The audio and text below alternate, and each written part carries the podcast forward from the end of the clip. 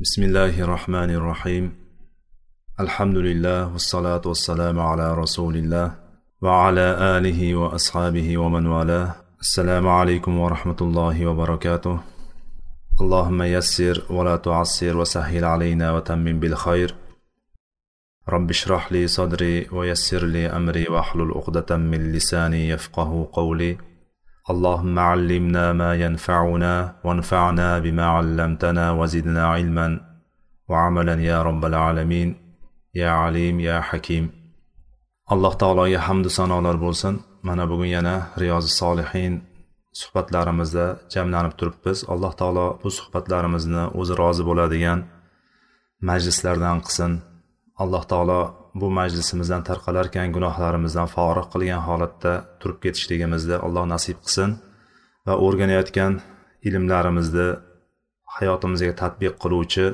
va undan foyda oluvchi bandalardan bo'lishligimizni alloh taolo hammamizga muvaffaq qilsin.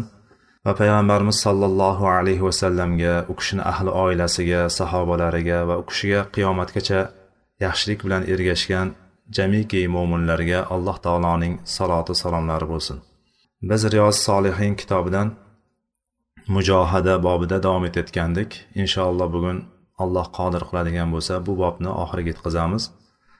Mujohada bobi yaxshi amallarda inson tirishishligi jiddiy jahd qilishligi o'zini nafsi bilan birinchi o'rinda o'zini nafsi bilan kurashishligi va yaxshi amallarga harakat qilib qolishligi va qolaversa qarshisidagi kishi bilan ham ya'ni qarshisidagi kofirlarmi munofiqlarmi yoki boshqa g'ayri musulmonlar bormi ular bilan ham mujohadani o'z ichiga olib ketadigan bobda edik bugun bir yuz to'qqizinchi hadisga kelib to'xtagan ekanmiz.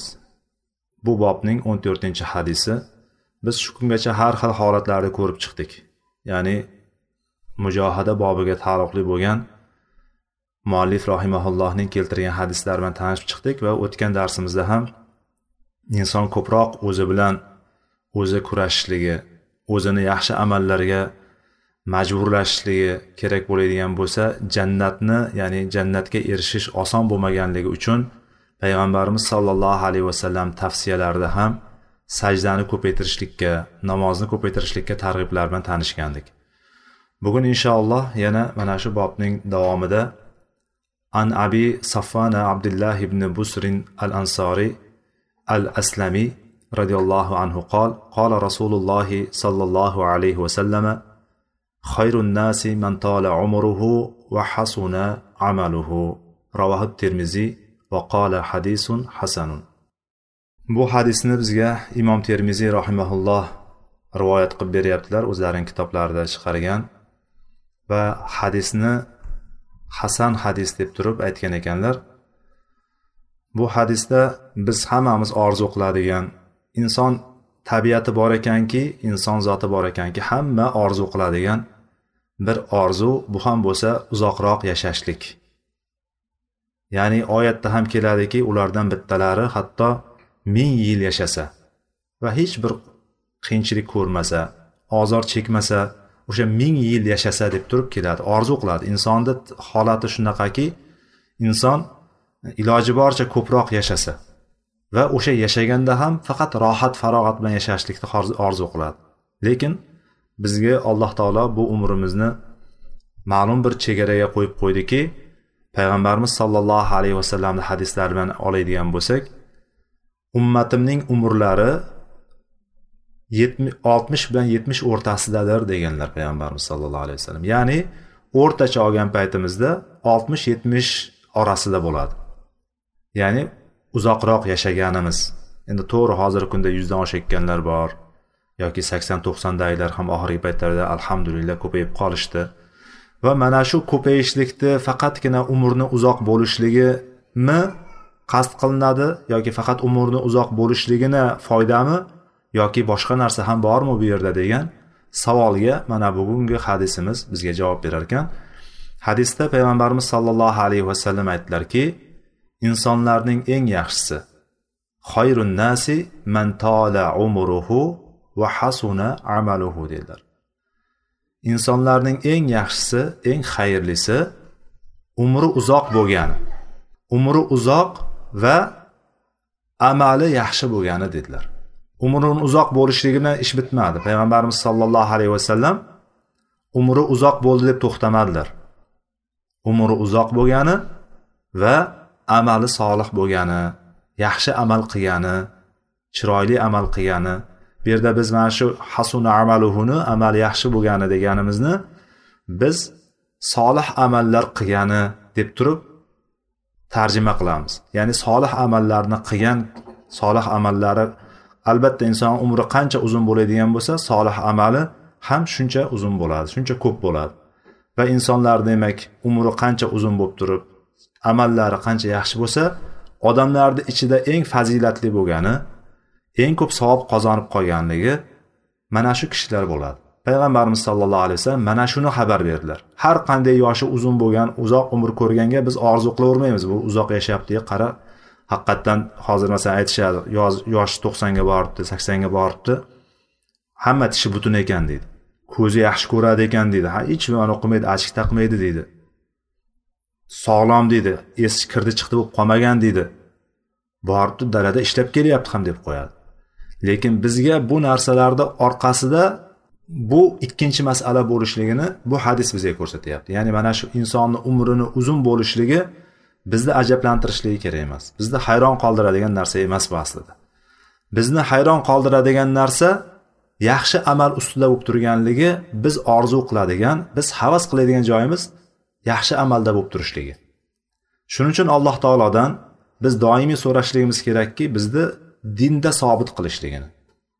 Payg'ambarimiz sollallohu alayhi vasallamni eng ko'p duo qilganlaridan hatto kechqurungi namozlarida tungi namozlarida sajdada ko'p aytadigan ya muqallibal qulub sabbit qalbi ala dinik duosini ko'paytirishligimiz kerak. Ey qalblarni burib o'zgartiruvchi zot meni qalbimni diningda sobit qilgin deb turib payg'ambarimiz sollallohu alayhi vasallam duo qilganlar. Bizni ustozimiz bo'lgan bizni yo'lboshchimiz bo'lgan bizni imomimiz bo'lgan payg'ambarimiz sollallohu alayhi vasallam ummatlariga bizga mana shu narsalarni qoldirib ketdi. Asli mo'min kishini hayoti nimada bo'lishligi kerakligi nimaga qaratilishligi kerak e'tiborligini bizga payg'ambarimiz sallallohu alayhi vasallam bildirib ketdilarki demak biz amalimizni yaxshi qilib qolishlikka har bir amalda harakat qilib qolishligimizga yaxshi amallarni ko'paytirib qolishligimizga harakat qilishligimiz kerak. Bu nimani talab qiladi? Bu nafsimiz bilan kurashishligimizni talab qiladi. Muallif rahimaulloh ham bu o'ringa bu hadisni keltirishlikdan maqsadi ham shu. Umrni faqatgina uzun bo'lishligi to'g'ri umrni uzun bo'lishligini inson xohlaydi. Lekin birinchi o'rinda bizda ahamiyat beradigan joyimiz nima bo'lishligi kerak ekan? Mana shu amallarimizni yaxshi bo'lishligi ekan. Chunki ertaga bizdan so'raladigan narsa ham qiyomat kuniga boradigan bo'lsak ham biz amal daftarimiz bilan boramiz. Ya'ni bu hayoti dunyo amal dunyosi. Shu dunyoda qilib qolingan har bir amal o'sha amal hisoblanadi. U xoh yaxshi bo'lsin xoh yomon bo'lsin qaysi bir amal yo shu gunoh bo'lsin yoki savob bo'lsin o'sha amal bilangina ketamiz biz. O'sha amalni shuning uchun amal daftari deb aytiladi amal daftari kimniki kitobi o'ng tarafidan berilsa o'sha kishilar yaxshi kishilar o'sha kishilar omonda bo'ladigan o'sha kishilar jannatga kiradigan kishilar chap tarafidan orqa tarafdan beriladigan deb turib o'sha yerda aytilayotgan narsa amal daftarimiz.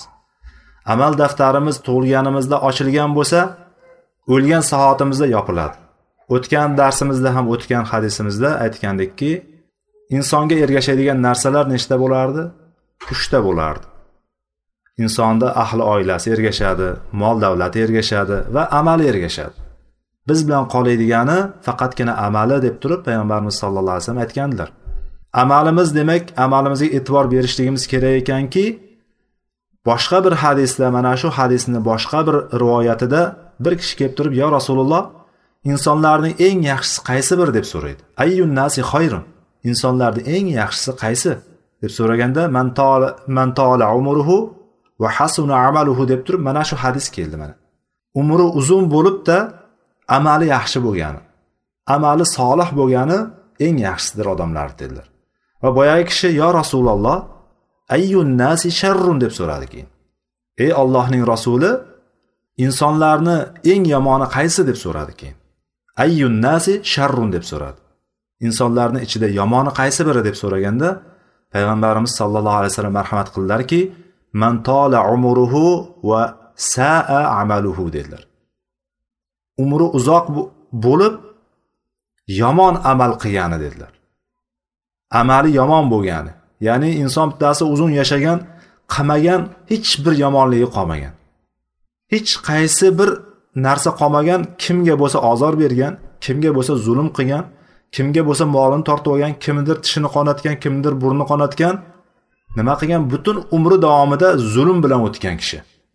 Umri borgandir sakson to'qsonga harom yeb yurgan sudxo'rlik qilib yurgan zinodan qaytmagan zulmdan qaytmagan hech narsadan qaytmagan bittasiga biz umri uzoq bo'lgan ekan agar to'rt muchali sog' deb aytadigan xalq tilida aytgan to'rt muchali sog' bo'lib turgan bo'lsa ham biz uni uzun umr ko'rganligi bizga hech qanday bir qiziqtirmasligi kerak. Bizga qiziqtiradigani u mo'minmi? Ha demak o'sha mo'min bo'ladigan bo'lsa ha demak mana shu mo'min ekan. Demak mo'min bo'lsa biz bilamizki umri uzoq bo'lgan kishini ko'rsak havas qilishimiz kerak unga. Mo'min bo'ladigan bo'lsa. Imom ahmadni musnatlarida imom ahmad o'zini musnatlarida keltiradiki bir hadisni payg'ambarimiz sallallohu alayhi vasallam aytganlarki mo'minlarni umri qancha uzasa qancha uzaysa shuncha yaxshiligi ortadi deganlar. Mo'minlarni umri qancha uzoq bo'ladigan bo'lsa shuncha yaxshiligi ortadi. Chunki mo'min kishi biz bilamiz mo'min kishi musulmon kishi boshqalarga zarar bermaydi. Mo'min kishi boshqalarni yordamida bo'ladi. Mo'min kishi qachon bir yaxshilikni ko'rib qoladigan bo'lsa yaxshi bir amalni ko'rib qoladigan bo'lsa o'sha fursatdan foydalanib qoladigan kishi bo'ladi. Demak o'shanday kishilar jamiyatda ko'payadigan bo'lsa foyda bo'ladimi yo zarar bo'ladimi? Albatta foyda bo'ladi. Mana shularni umri uzoq bo'ladigan bo'lsa yuqoridagi hadisimizga ko'ra mo'min kishi qancha umri uzoq bo'ladigan bo'lsa shuncha amali yaxshi bo'ladi. Buni oldingi darslarimizda ham bir keltirib ketgandikki bir sahobadan sahobani uyida bir uchta kishi uch kishi mehmon bo'ladi. Uch kishi mehmon bo'ladi va shulardan bittasi jihodga ketib hammasi jihodga ketishadi bittasi shahid bo'ladi. Ma'lum bir paytdan keyin o'rtadan bir oylar o'tadi ikkinchisi ham shahid bo'ladi. Yana bir oradan bir vaqt o'tadi eng oxirgi o'lgani bo'lib ham shahid bo'lmasdan o'zini to'shagida o'ladi ya'ni joni o'zini e, uzunroq muddatdan keyin. Vafot etadi u shahid bo'lmasdan o'ladi. Lekin yuqorida ikkitasi shahid bo'lib o'lgan. Lekin shahidlardan oldin jannatga kirayotganligini tushida ko'radi. Ajablanadi subhanalloh deydi. Birinchi kirgan kishi jannatga shahid bo'lsa ham birinchi undan avval shahid bo'lgan bo'lsa ikkinchisi ham shahid bo'lgan bo'lsa ikkinchisi undan oldinda turgan bo'lsa и nimaga birinchi shahid bo'lgani avvalda bo'lmaydimi? degan o'zicha bir xulosa qiladida hazm qilolmaydi bu narsani haqiqatdan bunday qaraydigan bo'lsak hazm qila olmaymiz uni. Bizni nuqtai nazarimiz bilan ilk boqishda qaraganimizda birinchi marta shunday bir tashqaridan qaraganimizda biz o'zimizni xulosamiz bo'ladi. Har bir insonni o'ziga yarasha xulosasi bo'ladi. Lekin bu xulosa har doim ham to'g'ri bo'lavermaydi. Mana shu to'g'ri bo'lmasligiga bu kishi ham sahoba ham bu ham o'yladi haqiqatdan birinchi o'lgan birinchi shahid bo'lgan e, ulardan oldin bo'ldi shahid to'g'rimi? Birinchi jannatga kirishligi kerak degan narsa bor. Ikkinchisi bo'lsa undan keyinroq bo'ldi undan keyinroq bo'lishi kerak. Uchinchisi bo'lsa shahid emas u. Shahidlardan oldinga o'tishi kerak emas degan nima bo'ladi? Insonda fikr uyg'onadi. U bordida rasulullohdan so'radi. Yo rasululloh bu mana shunaqa tush ko'rdim. Lekin mana shunaqa ular hayoti mana shunaqa bo'ldi lekin tushimda mana shunaqa ko'rdim deganda bunisiga nimasiga ajablanasan bu narsani? dedi. Ya'ni bu uzoqda keyinroq yashagani undan ko'proq amal qilib qolgan degan ko'ryapsizlarmi? Hatto amal yaxshi solih amal. Shahidlikning amalidan ham yuqoriroq amallarni savoblarni olib beradigan amallarni qilib qolishga imkon tug'diradi ekan. Bu hadisdan oladigan foydamiz shu. Boyagi kishi allohni zikriyu ibodatlariyu solih amallariyu o'shalar bilan undan o'zidan oldin shahid bo'lib ketgan birodarlaridan oldinga o'tib ketib qoldi. Demak biz amalimiz kunimiz o'tib ketyaptimikan kunimiz bir xil o'tmasin. Harakat qilaylik doim bir oldinga intilishga. Quruq yeb ichib yotib yeb ichib yotib yeb ichib yotib bir xil o'tishligi kerak emas mo'min kishini hayoti mo'min kishini hayoti har kun oldinga intilishlik bilan. Bir kunda bitta oyat o'rganing bitta oyat. Ko'p talab qilinmayapti. Bitta oyat o'rganing o'sha oyatni mag'zini chaqing. O'shani mohiyatini tushuning tafakkur qiling. Bitta hadis eshiting o'shani o'rganing. Dindan bitta ma'ruza eshitingda o'sha din o'sha ma'ruzani ichidagi qamrab olgan narsalarini dinni o'rganing va kuningiz bir so'm topmagan kuningizda siz masalan pul topib kelmagan kuningizda men bugun hech narsa topmadim hech narsa qilmadim deb turib afsuslangandan ham ko'ra qattiqroq afsuslanish kerakki dindan bir narsa o'rganmagan kunini. Qo'lingizga qur'on ololmagan kuningiz afsuslanasizmi yo'qmi? Qo'lingizga qur'on ololmay qoldingiz. Bugun sabablar bo'ldi. Har doimgi paytda uyg'ona olmadingiz uxlab qoldingiz yo boshqa bo'ldi ishingiz ko'payib ketib qoldi mehmon kelib qoldi ayollar bo'ladigan bo'lsa uzrli paytlari kelib qoldi. O'sha payt har kun qiladigan qur'on o'qiydigan qur'oningizni o'sha sabablarga ko'ra o'qiy olmay qolsangiz vijdoningiz qiynaladimi yo'qmi? Qiynalayotgan bo'lsa allohga hamd aytingki alloh taolo sizga o'sha narsani qalbingizga o'sha narsani qo'yganligi uchun allohga hamd ayting va o'sha narsani qattiqroq ushlang o'shan bilan siz oldinga keting oldinga harakat qiling. Siz fursatni uzrli paytingiz bo'ladigan bo'lsa uzrli paytdan chiqishlik bilan qur'onni qo'liga olishlikka o'rganing. Yoki mehmon ketdimi mehmon ketgandan keyin ertasi kuni o'shani albatta qilaman deb turib qur'onga yopishing. Yoki hadis o'qiyotgan bo'lsangiz hadisga yoki qur'onni o'zbekchasini o'qib borayotgan bo'lsangiz o'zbekchasini o'qing.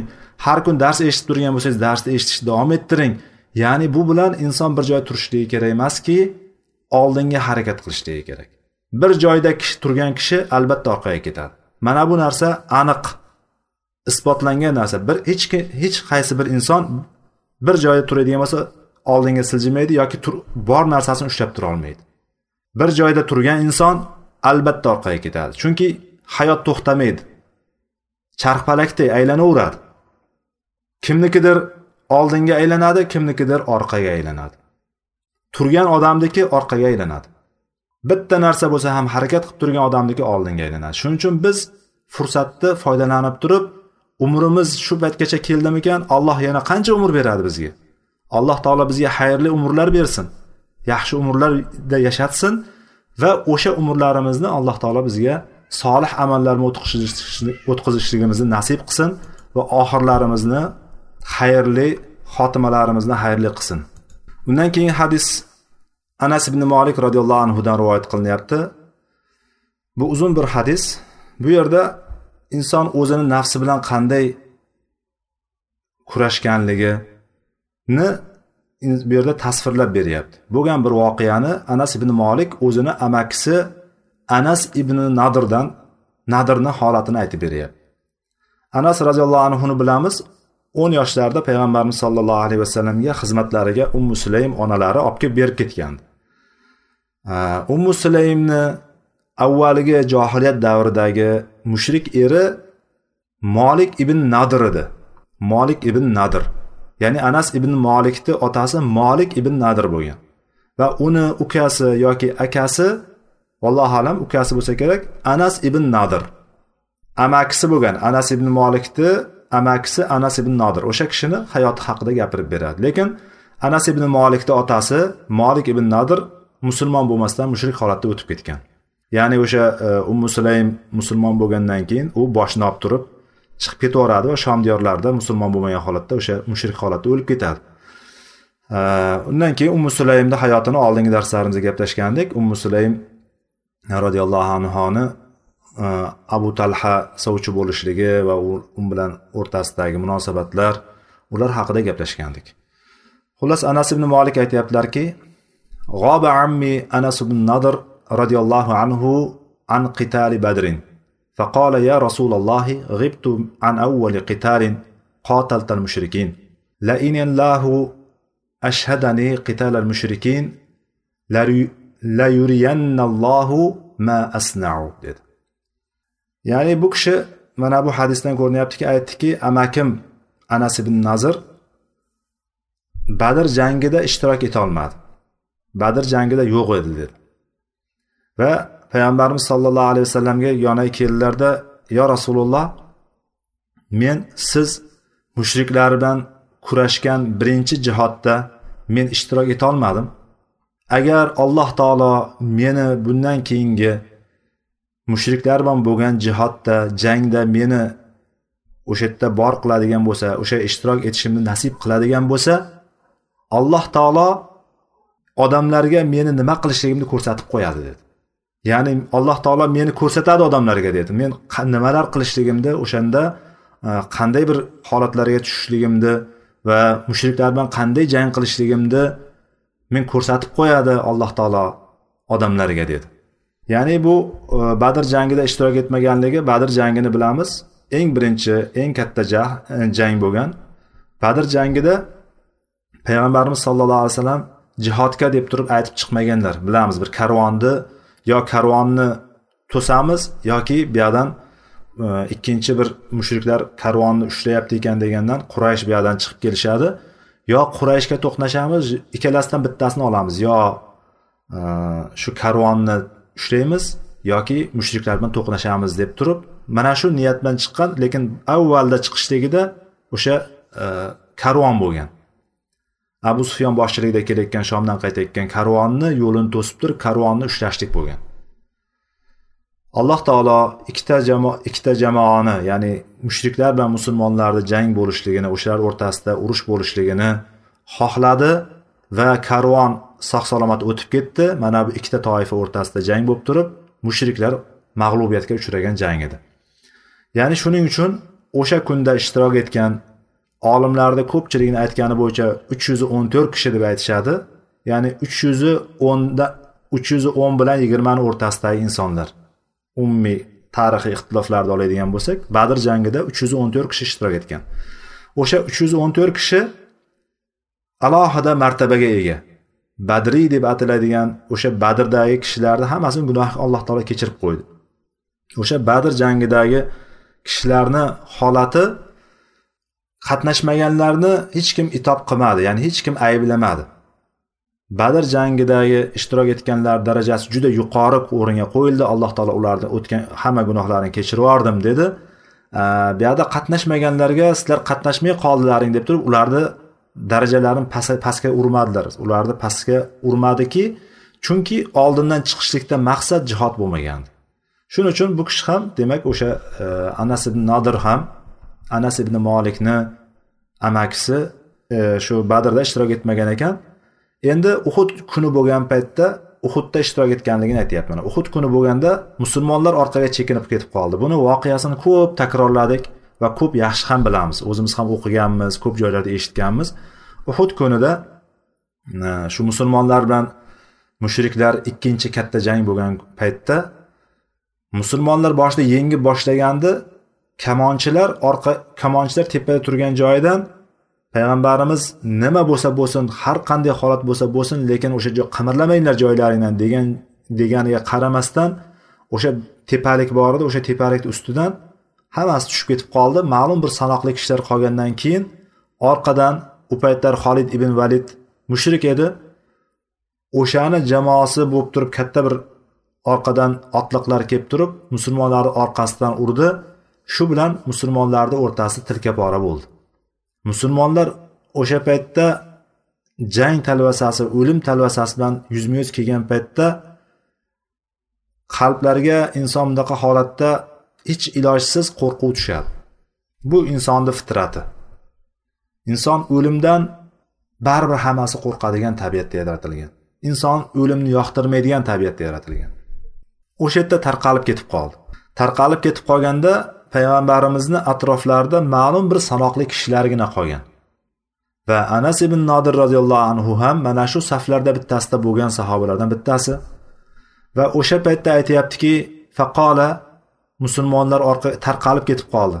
Tog'larga qarab turib qochib chiqib ketib qolganda allohimma a'taziru a'taziru ilayka mimma sana'a haula'i ya'ni ashabahu. Allohim men mana bular ya'ni mening hamrohlarim ya'ni sahobalar nazarda tutyapti. Hamrohlarimni qilayotgan narsasida sendan kechirim so'rayman dedi.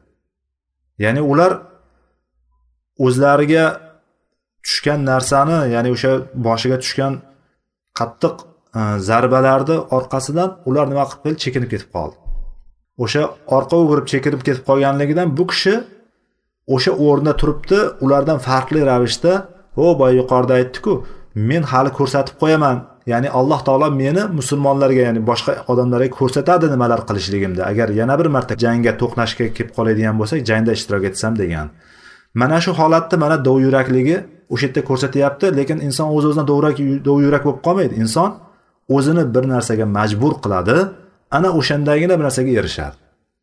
Bu kishi o'shanday qildi va o'sha holatda birodarlarimni qilayotgan narsasidan ey Allohim sendan kechirib so'rayman dedi. Va mana bularni qilayotgan ishlaridan esa dedi. Mushriklarni aytyapti. Va abrau ilayka mimma sanaa haulay ya'ni mushrikin ya'ni mana bularni esa ya'ni mushriklarni qilayotgan ishlaridan esa allohim men o'zimni oqlayman dedi.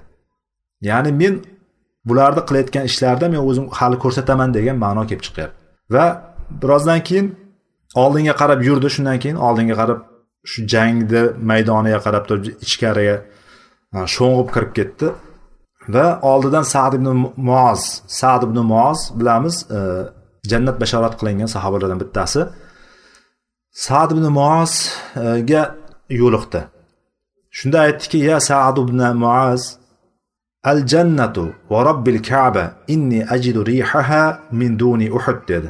Ey sad ibn muoz kabaning robbisiga qasam ichib aytamanki men jannatni jannatni hidini uhudni quyi tarafida his qilyapman dedi.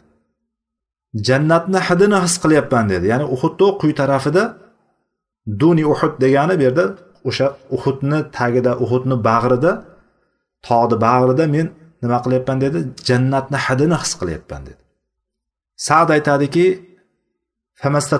ya rasululloh yo rasululloh u qilgan ishni men qila olmadim dedi. Ya'ni bu yerdagi dovyurakligini ko'rsatyapti. Uni qahramonlarcha o'sha mushriklarni orasini yorib kirib ketib jang qilib ketayotganini ko'rib turib sad ham jang qilgan. Lekin sad ibn muoz ham jang qilganku lekin unday qilolmaganligini payg'ambarimizga o'zi o'z og'zi bilan aytyapti ya rasululloh u qilganidek men yo rasululloh men qilolmadim men. Unga o'shanday qilishga qodir bo'lmadim men dedi. Keyin anas roziyallohu anhu aytyaptilar endi bu voqea shu yerda to'xtadi bundan iyag'ini hech kim ko'z bilan ko'rmagan. Ya'ni u nima qildi? u nechta mushrikni o'ldirdi yoki mushriklar unga qanday tashlandi? U voqeani u tarafini sahobalardan ko'rgan kishi yo'q.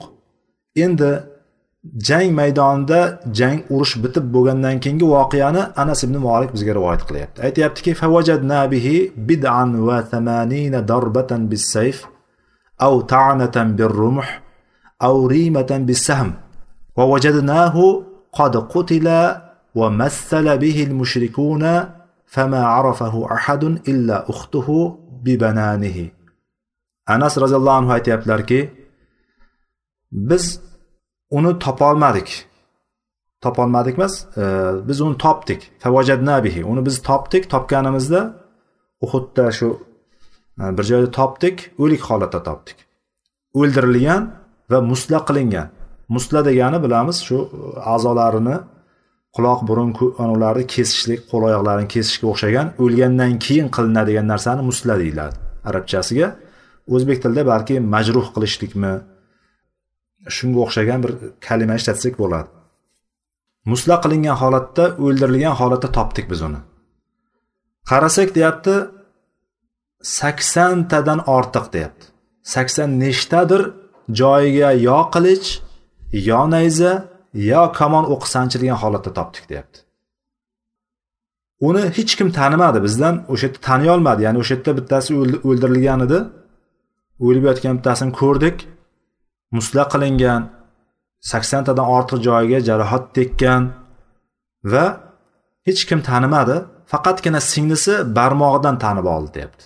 Demak barmog'ida qaysidir belgisi bir o'ziga xosligini bilarkanki singlisi shu qo'ldagi barmog'idan tanigan ekan shu darajada badanlarini hamma tomonini kesib parcha parcha qilib tashlanganligidan va saksondan ortiq o'q tegib turib hamma tomoni ilma teshik bo'lib ketganidan hech qayerda tanib bo'lmaydigan darajada faqatgina shu barmog'idan taniydigan holatda bo'lgan ekanlar shunda anas ibn molik aytadiki biz fikrimiz kunna naro أو نظن أن هذه الآية نزلت فيه وفي أشباهه Minal mu'minina rijalun sadaqu ma ahadulloha alayh deb turib oyatni oxirigacha o'qidi. Ya'ni biz bizni fikrimiz yoki gumonimizcha quyidagi oyat ya'ni minal mu'minina rijalun sadaqu ma ahadulloha alayhi oyati anas ibn nazr va shu kishiga o'xshaganlar haqida nozil bo'lgan deb bilamiz dedi. Bu oyatni ma'nosi mo'minlar orasida o'zlari allohga bergan ahdu paymonlarda sodiq bo'lgan kishilar bor. Ya'ni allohga bergan ahd yuqorida o'zini til bilan aytgandiki olloh meni yana bitta mushriklarni jihodida mushriklar bilan bo'lgan jihodda ishtirok ettiradigan bo'lsa alloh taolo meni odamlarga ko'rsatib qo'yadi hali nima nimalar qilishimni deb turib ahd qilgandi. Bu ahd bilan inson o'zini ko'rsatishlik riyo uchun qilmadi aytmagandi bu gapini. Bu o'zidagi men o'sha narsani qilaman inshaalloh degan narsani qasdidagi qalbidagi qasdini olgandi bu yerda va o'sha yo'lda ollohni yo'lida jang qilib hatto shahid bo'lishlikka qadar o'ldirilishlikka qadar jang qilishligini ahdi paymonida sodiq bo'lgan kishilar bor. Jang maydonida hamma musulmonlarni hamma musulmonlar aksar musulmonlar orqaga qochib ketib qolgan paytda o'sha yerda o'zida turib berishlikni o'zi bitta narsa bo'lsa jang maydonida mushriklarni ichiga o'zini otib turib yorib kirib ketishlik u ikkinchi qahramonlik bo'ladi. Va oyatda aytadiki ular o'z ahdlariga vafo qildi. O'shalarni ichida ya'ni allohga ahdu paymon qilgan sodiq kishilar bo'lsa o'sha sodiq kishilardan ba'zilari ayrimlari o'z ahdiga vafo qildi ya'ni oxirigacha turib berib shahid bo'lib ketdi. Ulardan boshqalari esa yana ayrimlari esa o'sha boshida mo'minlarni ichida rijollar bor. Allohga bergan ahdiga sodiq bo'lgan rijollar bor. O'shalardan ba'zilari shahid bo'lib ketgan bo'lsa ba'zilari kutib turibdi hali dedi olloh ya'ni o'sha jang maydonida bo'ldiyu lekin shahidlik nasib qilmadi kutib turibdilar. Intizor bo'lib turibdilar. Ular o'zgartirganlari yo'q. Ular ahdi paymonlarini hech ham o'zgartirganlari yo'q dedi. Alloh taolo mana shu oyatda ahzob surasida yigirma uchinchi oyatda anas ibn molik aytyaptilarki bu oyat bizni fikrimizcha bizni shu gumonimizcha anas ibn nazr va u kishiga o'xshaganlar haqida nozil bo'lgan deb aytyaptilar.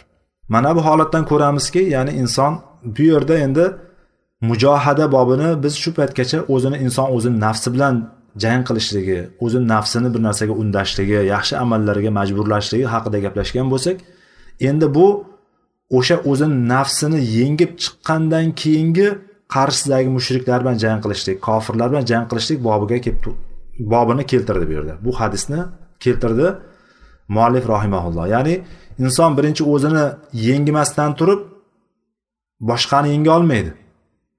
O'zidagi qo'rquvni yengib o'tgandan keyin qarshisidagi kishini yengdi alloh taolo hammamizni mana shunday kishilardan qilsin haqni haq deb aytadigan botilni botil deb aytadigan va o'sha so'zda qat'iy tura oladigan allohni mujohid bandalaridan qilsin undan keyingi hadisda o'n oltinchi hadis ekan bobni an abi masudin uqbat ibn amrin al ansoriy al badriy roziyallohu anhu qol لما نزلت آية الصدقة كنا نحامل على ظهورنا فجاء رجل فتصدق بشيء كثير فقالوا مراء وجاء رجل آخر فتصدق بساع فقالوا إن الله لغني عن ساع هذا.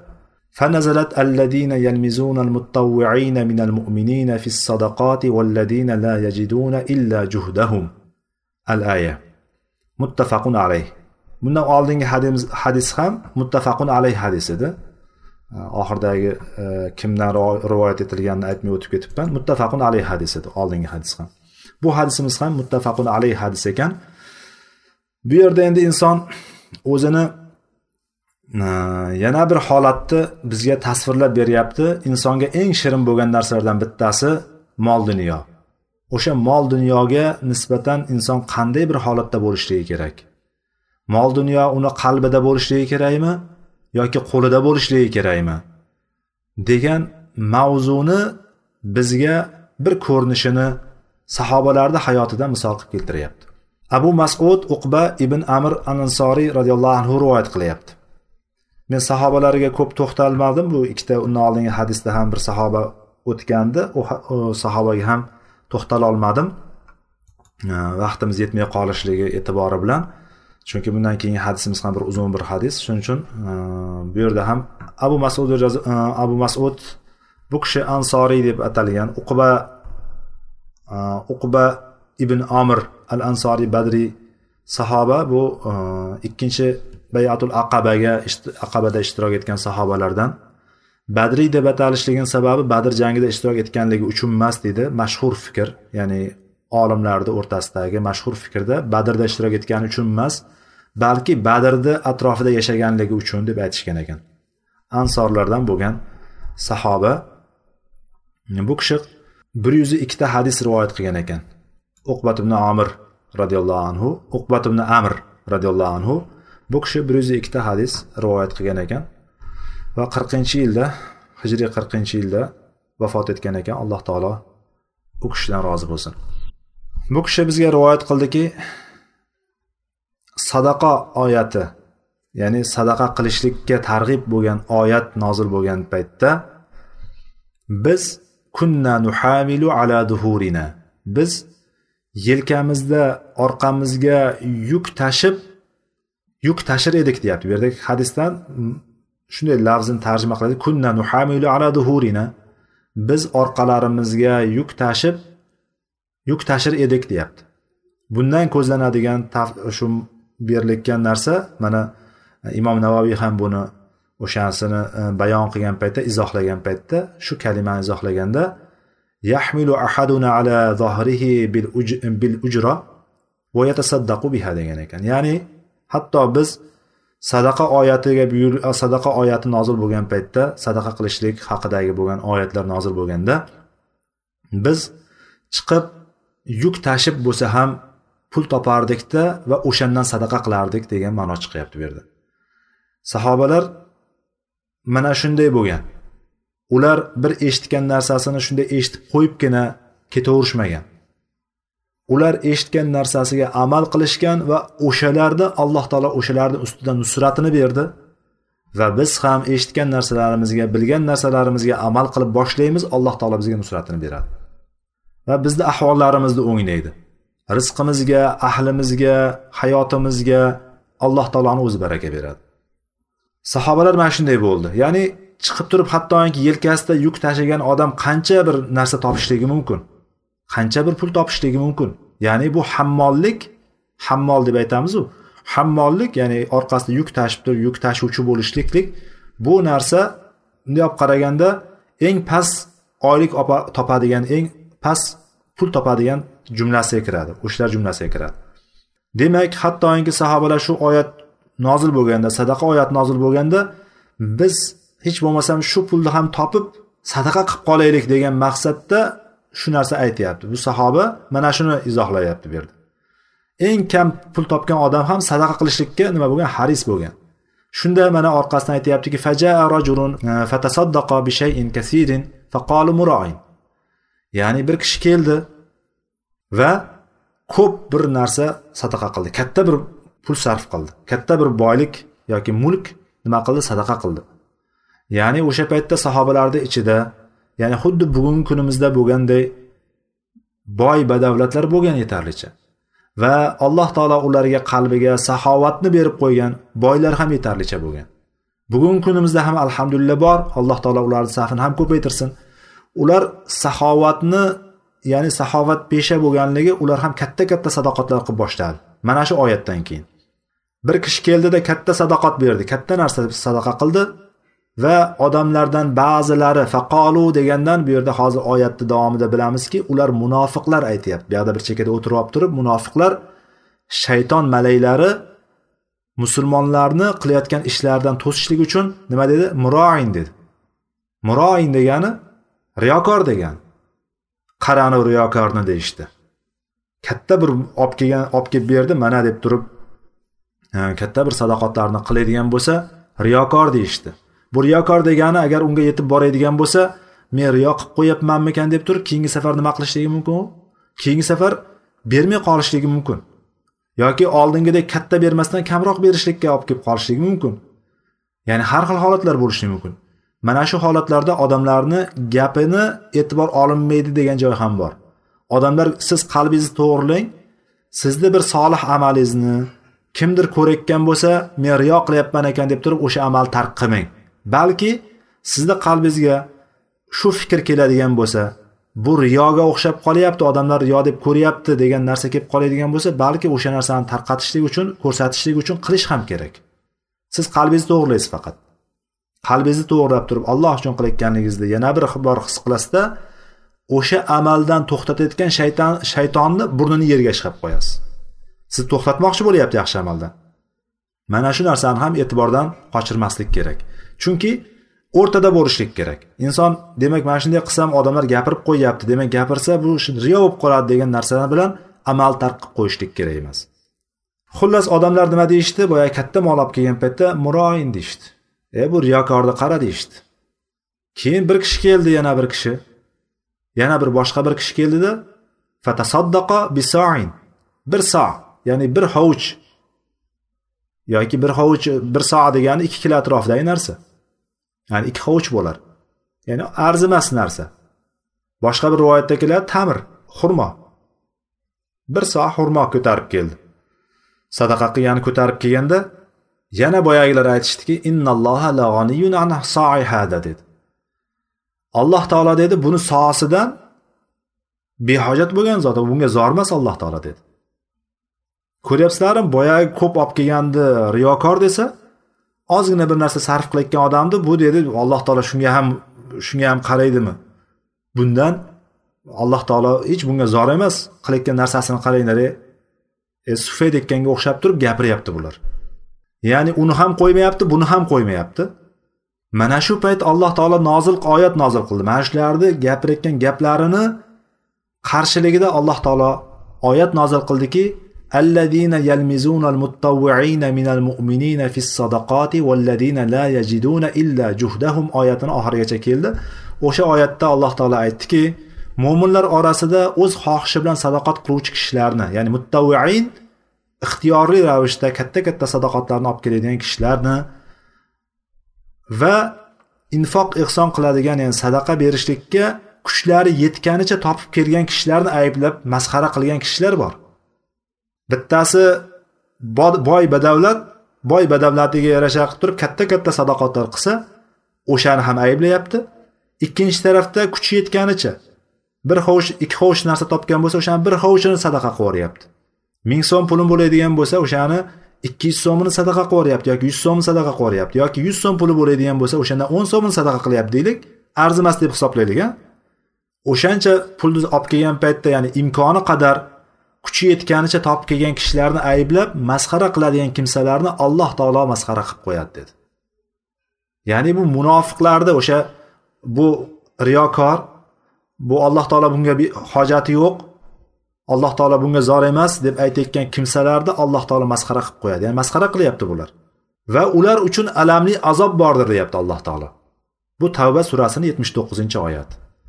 Ular uchun alamlantiruvchi azob bor deyapti. Ya'ni bu yerdan biz bu hadisdan oladigan foydamiz bu bobda keldi muallifning qasdi ham inson qo'lidan kelganicha yaxshilik qilishlik qo'ldan kelganicha amallarni qilib qolishlik o'ziga eng shirin tuyulgan davlat bo'ladigan mol davlat bo'ladigan bo'lsa pul bo'ladigan bo'lsa o'sha pulni qalbga emas qo'lda ushlab turishlik kerakligini va sarflashlik hech qachon kamaytirmasligi molni kamaytirmasligi balki hadis bilan kelganidek ma naqasat sadaqatun min malin. Sadaqa molni hech qachon kamaytirmasligini biz his qilishligimiz kerak. Qo'limizda yarimta nonimiz bo'lsa o'shani choragini sindirib turib birontasiga sadaqa qilib berib o'shani shunday kelgan shunday kelib qolganda shunday sindirib berib yuboradigan qalbni paydo qilishligimiz kerak. Qo'limizda turgan pul qo'limizda tursin. Yoki o'sha nima deydi bu kashlok deydiku o'sha anavlarimizda tursin turadigan cho'ntagimizda tursin. Lekin qalbimizga tushib qolmasin o'sha. Chunki rizq beruvchi Alloh. Biz sarflashligimiz bilan kambag'al bo'lib qolishdan qo'rqmaylik. Alloh taolo zuljalali va ikrom jalol va ikrom sohibi saxovat sohibi akromul akramin eng saxovatlarning saxovat peshasi bo'lgan olloh bizni tashlab qo'ymaydi. Biz qilyapmizmi? Alloh taolo uni o'rnini to'ldiradi. Bir beradigan bo'lsak alloh taolo o'shani qarshiligini yetti yuz barobargacha ko'tarib savobini beradi va undan ham ko'prog'ini berishligi mumkin. Mana bu narsani bizga nafsimiz bilan kurashishligimiz kerak ekanligini va sadoqatlarni qancha katta narsa ekanligini va bugungi kunimizda sadaqaga ya'ni o'sha bir yordamga muhtoj bo'lgan qancha qancha insonlar borligini esdan chiqarmasligimizni bu hadis bizga ta'lim beryapti. Va bu o'rinda bir e, nuqtasi bor. Boyagi bir kishi keldi bir so sadaqa qildi deyapti. Biz u bir eslagan eslaydigan bo'lsak tavba bobida o'tgandik kab ibn molikni qissasini e, tabuk g'azotidan qolib ketgan kab ibn molik shoir sahoba o'sha kishi aytib bergandiki biz men qolib ketdim dedi. Ular ketib qoldi. Endi uzun tarixni men ozgina eslatyapman. Qolib ketdim ana chiqaman mana chiqaman men ham tayyorgarlik ko'raman yetib olaman deb yurdimda oxiri qolib ketdim ular uzoqlashib ketdi. Eh koshkiydi o'shanda ham borsam ekan deb turib bir kishini voqeasini aytib beradi. Payg'ambar sallallohu alayhi vasallam tabukka kelgan paytlarida uzoqdan bir sharpa ko'rindi. Sharpa ko'ringan paytda abu haysama bo'lganda ish qilib dedilar payg'ambarimiz sallallohu alayhi vasallam. Abu haysama bo'lganda degani haqiqatda o'sha abu haysama al ansoriy roziyallohu anhu edi va o'sha kishi o'sha e, kabu molik aytayotgan e, o'sha hadisda aytayotganda va huvallazi tasaddaqa bisa'i tamr hina lamazahul munafiqun degan. Ya'ni munofiqlar o'sha masxara qilgan paytdagi bir so ehson qilgan bir soat sadaqa qilgan kishi mana shu kishi edi deb turib kab ibn molik bizga xabar bergandi. Vallohu hali mana shu o'rindagi kishi ham shu kishidir. Lekin bu yerda sharhlarda men hozir qaraganimda bu sharhlarda bir ikkita uchta sharh ko'rganimda aynan shu kishi deb ishora qilmabdi. Lekin balki shu kishidir lekin undan bir boshqa kishidir. Xullas o'sha bir soat olib kelgan paytda munofiqlar masxara qilgan kishilardan bittasi o'sha paytda eng oxirida yetib kelgan kishi deb turib o'shani ta'riflagandi. Hatto o'sha bir soat topadigan darajadagi kishi bir soatni sadaqa qila oladigan darajadagi e, kambag'al bir kishi ham mendan o'zib ketgan ekan o'shanda. Kech bo'lsa ham tabukka borgan ekan. Koshki men ham borsam deb shunaqa qilib turib deb kabin molik achinganligini bir eslatgan bo'ldik. Undan keyin hadis e, bobimizni hali ha bobimizni oxirgi hadis ekan. o'n yettinchi hadis bobning va kitobni shu kungacha o'qib kelayotgan hadis e, hadislarimizni bir yuz o'n ikkinchi hadisi. An said ibn abdulaziz an robiat ibn yazid an abi idris al xavloniy an abi zarrin jundub ibn junadata roziyallohu anhu anin nabiy sallallohu alayhi vasallam. Mana shuncha kishilarni rivoyat qilib kelib turib oxirida abu zar jundub ibn junada roziyallohu anhudan rivoyat qilinyapti. Bu abu zar g'uforiy emas bu. Bu kishi bizga rivoyat qilib berdiki roziyallohu anhu payg'ambarimiz sollallohu alayhi vasallam alloh taolodan rivoyat qilib shunday dedi. Ya'ni alloh taolodan rivoyat qilib shunday dedi deganimiz biz oldingi darslarimizdan bildikki payg'ambarimiz agar alloh taolodan rivoyat qilib aytayotgan bo'lsa bu hadis qanday hadis bo'lardi? Hadisi qudusiy bo'lardi. Hadis qudusiy ekan. Bu hadisda men ko'proq e, faqat yengil yengil tarjima qilib o'tib ketaveramiz. Alloh taolo aytdiki ya ibadi inni harromtu zulma ala nafsi va ja'altuhu baynakum muharraman fala tazolamu ey bandalarim men o'zimga zulmni harom qildim dedi. Alloh taolo o'zini nafsiga o'zi uchun zulm qilishlikni kimgadir nimagadir zulm qilishlikni alloh taolo o'ziga harom qildi va aytdiki shu sababdan va jaaltuhu baynakum muharraman. Ya'ni va sizlarni oralaringizda ham zulmni harom qildim. Bas shunday ekan fala tadolamu o'zaro bir birlaringga zulm qilmanglar dedi. Va hadis davomida aytdiki ya ibadi kullukum dollun illa man hadaytuhu fastahduni ahdikum ey bandalarim sizlarni hammalaring adashgan edilaring. Hammalaring adash ya'ni to'g'ri yo'lni alloh taolo bermasa biz hammamiz zalolatdagi kimsalarmiz. Hammamiz to'g'ri yo'ldan uzoq bo'lgan adashgan kimsalarmiz. Aytdiki alloh taolo sizlarni hammalaring adashgansizlar. Illa man hadaytuhu illo faqatgina men hidoyat qilgan kishilargina to'g'ri yo'ldadir. Shunday ekan fastahduni ahdikum. Mendan hidoyat so'ranglar mendan to'g'ri yo'lni so'ranglar men sizlarni hidoyat qilayin dedi. Va davom etdiki ya ibadi kullukum jaiun illa man at'amtuhu fastat'imuni at'imkum. Ey bandalarim sizlarni hammalaring och nahorsizlar. Faqatgina men taomlantirgan kishilargina to'q bo'lishligi mumkin. Shunday ekan mendangina taom so'ranglar mendangina yeydigan narsa so'ranglar men sizlarni yedirib to'ydirayin dedi alloh taolo. Ya ibadi kullukum arin illa man kasavtuhu fastaksuni aksukum dedi. Ey bandalarim sizlarni hammalaring och yalang'ochsizlar. Ya'ni kiyimsiz insonsizlar ya'ni bunday olib qaraganda bu majozmi yoki e, shu aytib turgani haqiqatmi? Bu haqiqatga ham majozga ham ikkalasiga ham tushaveradi bu ma'no. Sizlar hammalaring faqat men kiydirgan kishilargina kiyim bergan kishilargina yalang'och emas undan qolgan hammasi yalang'ochdirlar. Bas shunday ekan mendan kiyinishlikni mendan kiyim so'ranglar men sizlarni kiydiraman dedi. Men sizlarni kiyintirib qo'yaman dedi. Ya'ni shuning uchun biz kiyim kiyayotgan paytimizda alloh taologa hamd aytamiz. Men tarafimdan hech qanday kuch quvvat bo'lmagan holatda kiydirgan mana shu kiyimni kiydirgan allohga hamd bo'lsin deb turib aytamiz alhamdulillahillazi kasani hada thawba va razaqanihi min g'ayri havlin minni va quvva degan duoni payg'ambar sallallohu alayhi vasallamdan biz bilamiz. Ya'ni buni men mendan hech qanday kuch quvvat bo'lmagan holatda menga kiydirgan va buni menga rizq qilib bergan allohga hamd bo'lsin degan. Shuni aytamiz. Demakki biz alloh taolo kiydirgan kishidan boshqa hammasi yalang'och o'rinda hisoblanadi. Shunday ekan faqat allohdangina kiyim so'rashligimiz kerakki kiydirishligini alloh taolo bizga kiydirsin. Ya ibadi innakum tuxtiuna billayli wan-nahar wa ana aghfiru dhunuba jami'a fastag'firuni aghfir lakum. Ey bandalarim sizlarni hammalaringiz kechayu kunduz tinimsiz xato qiluvchisizlar. Haqiqatda insonlarni hammasi tinimsiz xato qiluvchi. Xato qilmayman degan kishi ham albatta bir xatoga kirib qoladi. Endi doimiy xato qilayotgan odamni gapirmasak ham bo'laveradi. Shuning uchun umumiy ketyaptiki ey bandalarim sizlar kechayu kunduz xato qiluvchisizlar va gunohlarni hammasini kechiruvchi zot menman deyapti alloh taolo. Ya'ni mendan boshqa gunohlarni kechiruvchi yo'q ekan shunday ekan mendan mag'firat so'ranglar. Mendan bu gunohlaringizni kechirishimni so'ranglar.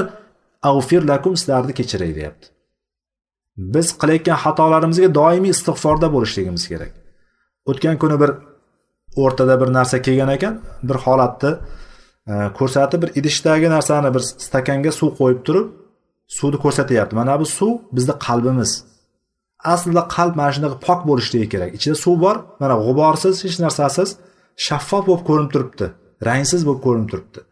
Endi biz agar gunoh qiladigan bo'lsak mana bunday bo'ladi deb turib ustiga bir buyoqda coca colaga o'xshagan bir rangli suv bor ekan coca cola yoki pepsimi? Ustiga tomchi tomchi quydi.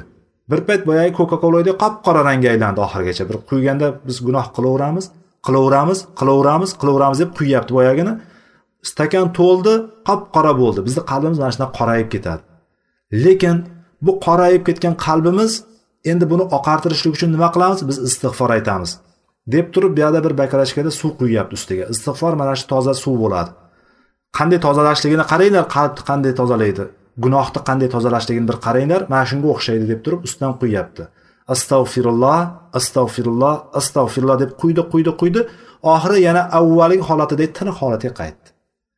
Ya'ni biz ham gunohni tinimsiz qilamiz ekan kechayu kunduz xato qilib qo'yamiz ekan. Biz ham istig'forni ko'paytiradigan bo'lsak alloh taolo bizni qalblarimizni ham mana shunday poklab qo'yadi. Alloh taolo xatolarimizga istig'for aytib turib allohning mag'firatiga sazovor bo'ladigan bandalardan qilsin. Ya ibadi innakum lan tablug'u durri fatadurruni va lan tablug'u naf'i fatanfa'uni. Ey bandalarim sizlar menga zarar bera olsalaringiz ekan menga zarar bersalaringiz deyapti. Ya'ni sizlar menga hech qachon zarar bera olmaysizlarki menga zarar bersalaring deyapti va shuningdek menga hech qachon foyda ham bera olmaysizlarki menga foyda bersalaring. Ya'ni sizlar foyda bera olmaysizlar menga zarar ham bera olmaysizlar. Ya ibadi yana buni aytishligidan yana orqasidan aytyaptiki ya ibadi law anna awwalakum va akhirakum va insakum va jinnakum kanu ala atqa qalbi rajulin wahidin minkum ma zada zalika fi mulki shay'an. Ey bandalarim sizlarni avvaliyu oxirlaringiz ya'ni odam alayhissalomdan boshlab to qiyomatgacha keladigan insonlarni hammasi. Insonlaringu jinlaring yana hatto odam toifasidan ham chiqib turib jinlarni ham aytyapti. Insonlaringizu jinlaringiz hammalaringiz. Bir kishini qalbi ya'ni insonlarni ichidagi eng taqvodor bo'lgan eng solih bo'lgan bir kishini qalbiga o'xshagan qalbda bo'lsalaringiz ham fi mulki shay'an bu narsa meni mulkimdan biron bir narsani ziyoda qilib qo'ymaydi. Sizlar hammalaring solih bo'lib ketinglar lekin uni menga foydasi yo'q demoqchi alloh taolo. U menga foydasi emas sizlarga foydasi tegadi o'sha taqvodor bo'lishliklaring solih bo'lishliklaring sizlar jannatga olib kiradi deyapti. Uni qarshiligi bor uni mukofoti bor. Shunchaki bo'layotganda yo'qni bu narsa? Lekin meni mulkimdan hech narsani ziyoda qilib qo'ymaydi deyapti alloh taolo. Ve ya ibadi enne lev, lev enne evvelekum ve ahirakum ve insekum ve cinnekum kanu ala efceri kalbi raculin vahidin minkum ma naqasa zalika min mulki şey'en dedi. Yuqoridagi sizlar menga zarar bera olsalaring ekan, zarar bersalaring, menga foyda bera olsalaring ekan, foyda bersalaring, ya'ni bu hech qachon bo'lmaydi deganda payg'ambarimiz sollallohu alayhi vasallamni mana bu hadisda kelayotgani bo'yicha yana go'yoki bu tafsiri bo'lyapti bu. Hadis qudusiydagi tafsiri bo'lyapti. Alloh taolo o'zi aytyaptiki ey bandalarim sizlarni avvallaringu oxirlaringiz insonlaringizu jinlaringiz hammalaringiz sizlarni ishlaringizdagi eng badbaxt insonni eng jinoyatchi insonning qalbiga o'xshagan bo'lib qolsalaringiz ham bu narsa ma naqasa zalika min mulki shay'an. Bu narsa mening mulkimdan hech bir narsani kamaytirib qo'ymaydi. Ya'ni insonlarni hammasi kofir bo'lib ketsin. Yana bo'p ham kofirni ham eng badbaxi eng ashaddiysi eng g'alamisi bo'lsin. Lekin bu narsa alloh taoloni mulkidan hech bir narsani nuqsonli qilib qo'ymas ekan. Va alloh taolo aytdiki ya ibadi law anna awwalakum va akhirakum wa insakum va jinnakum qamu fi sa'idin wahidin فسألوني فأعطيت كل إنسان مسألته ما نقص ذلك مما عندي إلا كما ينقص المخية إذا أدخل البحر ey bandalarim sizlarni avvalinglaru oxirlaring insonlaringu jinlaring hammalaring bitta baland bir balandlikka kelib tursalaringda bitta joyga to'planib baland joyga tursalaringda va mendan so'rasalaring va sizlardan bo'lgan har bir insonni so'ragan narsasini bersam. Har bir insonga butun insoniyatda tasavvur qilyapmiz bir tasavvur qilaylik. Odam alayhissalomdan qiyomat kunigacha bo'lgan. Insonlaru jinlar hammasi o'rtaga to'plansada ollohdan tila tilagin desa hammasi tilab boshlasa so'rab boshlasa o'shalarga har bittasiga bergan taqdirda ham ma naqasa dalika mimma indi olloh aytyaptiki meni huzurimda biron bir narsani kamaytirib qo'ymaydi u narsa. Menda bo'lgan mulkimdan biron bir narsani kamaytirib qo'ymaydi. Magaram kamaytirish mumkin qanchalik darajada? Kama yanqusul mihyatu ida udkhilal bahra deyapti dengiz. Dengizga bir ignani botirganda shunday ignani chiqarsa qancha suv chiqadi igna bilan? O'shancha ya'ni dengizdan ignaga ilashib chiqqan suv dengizni suvini qanchalik kamaytirsa insonlarning avvaliyu oxiri jinlariyu hammasi bir joyga to'planib hammasi hamma narsani so'ragan paytda hammasiga bitta qoldirmay bergan taqdirda ham o'shanchalik kamaymas ekan qaranglar. Dengizdan bir hovuch olsangiz ham aslida hech qancha kamaymaydi dengiz. Lekin bu yerdagi aytilayotgan narsa igna gapirilyapti igna. Gram ham chiqmaydi undan olingan suv. Shunchalik darajada ham kamaymaydi deyapti alloh taolo. يا عبادي إنما هي أعمالكم أحصيها لكم ثم أوفيكم إياها فمن وجد خيرا فليحمد الله ومن وجد غير ذلك فلا يلومن إلا نفسه bizga shu paytgacha olib kelgan bu hadis uzun hadisda hammasi bizga katta katta foydalar bersa har bittasini ustida ancha ancha vaqtlar to'xtalib uni ustida har bittasi ko'p gapirsak ham bizga eng tegishli bo'lgan bu bobga tegishli bo'lgan eng o'rinli bo'lgan joyi mana shu oxirgi qismda keldiki ey bandalarim innama hiya amalukum. Mana bu sizlarni amallaringiz ularni hisoblab saqlab qo'yaman uhsiha lakum sizlar uchun hisoblab qo'yamiz bu amallaringizni. Uhsiha lakum sizlar uchun bu amallar qilib o'tgan amallarni hammasini nima qilib qo'yar ekan? Alloh taolo hisoblab qo'yadi. Shuning uchun yelkalarimizga farishtalarni qo'ydiki doimiy yozib turadigan bizni og'zimizdan bir so'z chiqmasin o'sha so'zni ham o'shanga qayd qilib qo'yadigan yozib qo'yadigan farishtalarni qo'yib qo'ydiki bizda hozirgi o'tirgan mana bu gapirayotgan gaplarimiz eshitayotgan ilmlarimiz yoki hadislarimiz oyatlarimiz mana bularni har bittasi inshaalloh bizni savobimizga yozilib turgan bo'lsin. Mana shunday yozilib turibdi. Va alloh taolo aytyaptiki mana bularni mana bu yozilgan amallarni har bittasini keyin mukammal tarzda sizlarga qaytarib ko'rsataman deyapti. O'taymiz buni har bittasini mukammal tarzda topshiramiz o'taymiz o'sha narsani.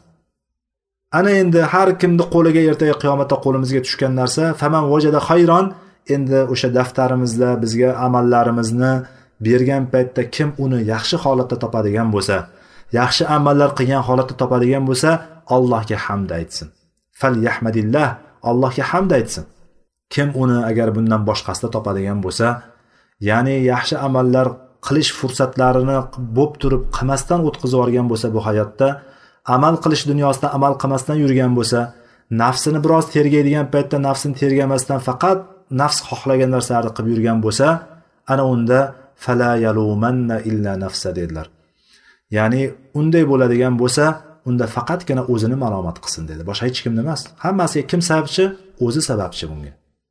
Shuning uchun mana bu holatda demak biz amal qilishlikka imkonimiz boricha harakat qilib qolishligimiz kerak ekanki bu amallarimiz og'zimizdan chiqayotgan so'zlar har bittasi qalbimizdan qilayotgan niyatlarimiz qasdlarimiz bularni hammasi ertaga allohni huzurida bizni qarshimizda turadi. O'sha narsa o'sha amallarimizni yaxshi holatda topadigan bo'lsak shu kunda ham o'zimizni bir hisob qiladigan bo'lsak biz qanday holatdamiz hozir? Nimalar qilyapmiz nimalar qilmayapmiz mana shu narsani bir tekshiradigan bo'lsak biz buni natijasini ko'ramiz. Agar biz yaxshi amallar ustida bo'ladigan bo'lsak alloh taologa hamd aytaylik. Agar bundan boshqa amalda bo'ladigan bo'lsak yaxshi amallarimiz kam va ko'proq o'zimizni nafs havomizga berilib yurgan bo'lsak bu narsa uchun faqat o'zimizni malomat qilaylik. Kimnidir emas nimanidir emas taqdirni emas faqat o'zimizni malomat qilaylikki bundan keyingi hayotimizda o'sha allohga hamd aytadigan amallarimizni yaxshi topadigan kishilardan bo'lib qolishlikka harakat qilishligimiz kerak ekan. Bu hadisni bizga imom muslim o'zlarini sahihlarida rivoyat qilgan ekan va imom ahmad rahimaulloh ham rivoyat qilgan ekanlar. Shu bilan bugungi e, darsimizda mujohada bobini sal tezlashtirib bo'lsa ham o'tdik. Alloh taolo bu eshitganlarimizga amal qiluvchi bandalardan qilsin. Va darslarimiz davomli va manfaatli darslardan qilsin. Inshaalloh keyingi darsimizda umrni ya'ni yaxshi amallarni ziyoda qilishlik xossatan umrni oxirida umrlarda insonlar yoshlari bir joyga borib qolganda yoki umr o'tgan sari masalan qirqdan keyin ellikdan keyin yoki oltmishdan keyin bizda ko'proq yosh umri ya'ni umrini oxirlarida yaxshi amallarni ko'paytirishlikka bo'lgan qiziqtirishlik o'shanga bo'lgan e, targ'ib haqidagi bobga kiramiz ekan. Alloh taolo nasib qilsa va subhanakallohumma bihamdik. Ashhadu an la ilaha illa anta astag'firuka va atubu ilayk. Vallohu alam. Va axiru da'vana alhamdulillahi robbil alamin.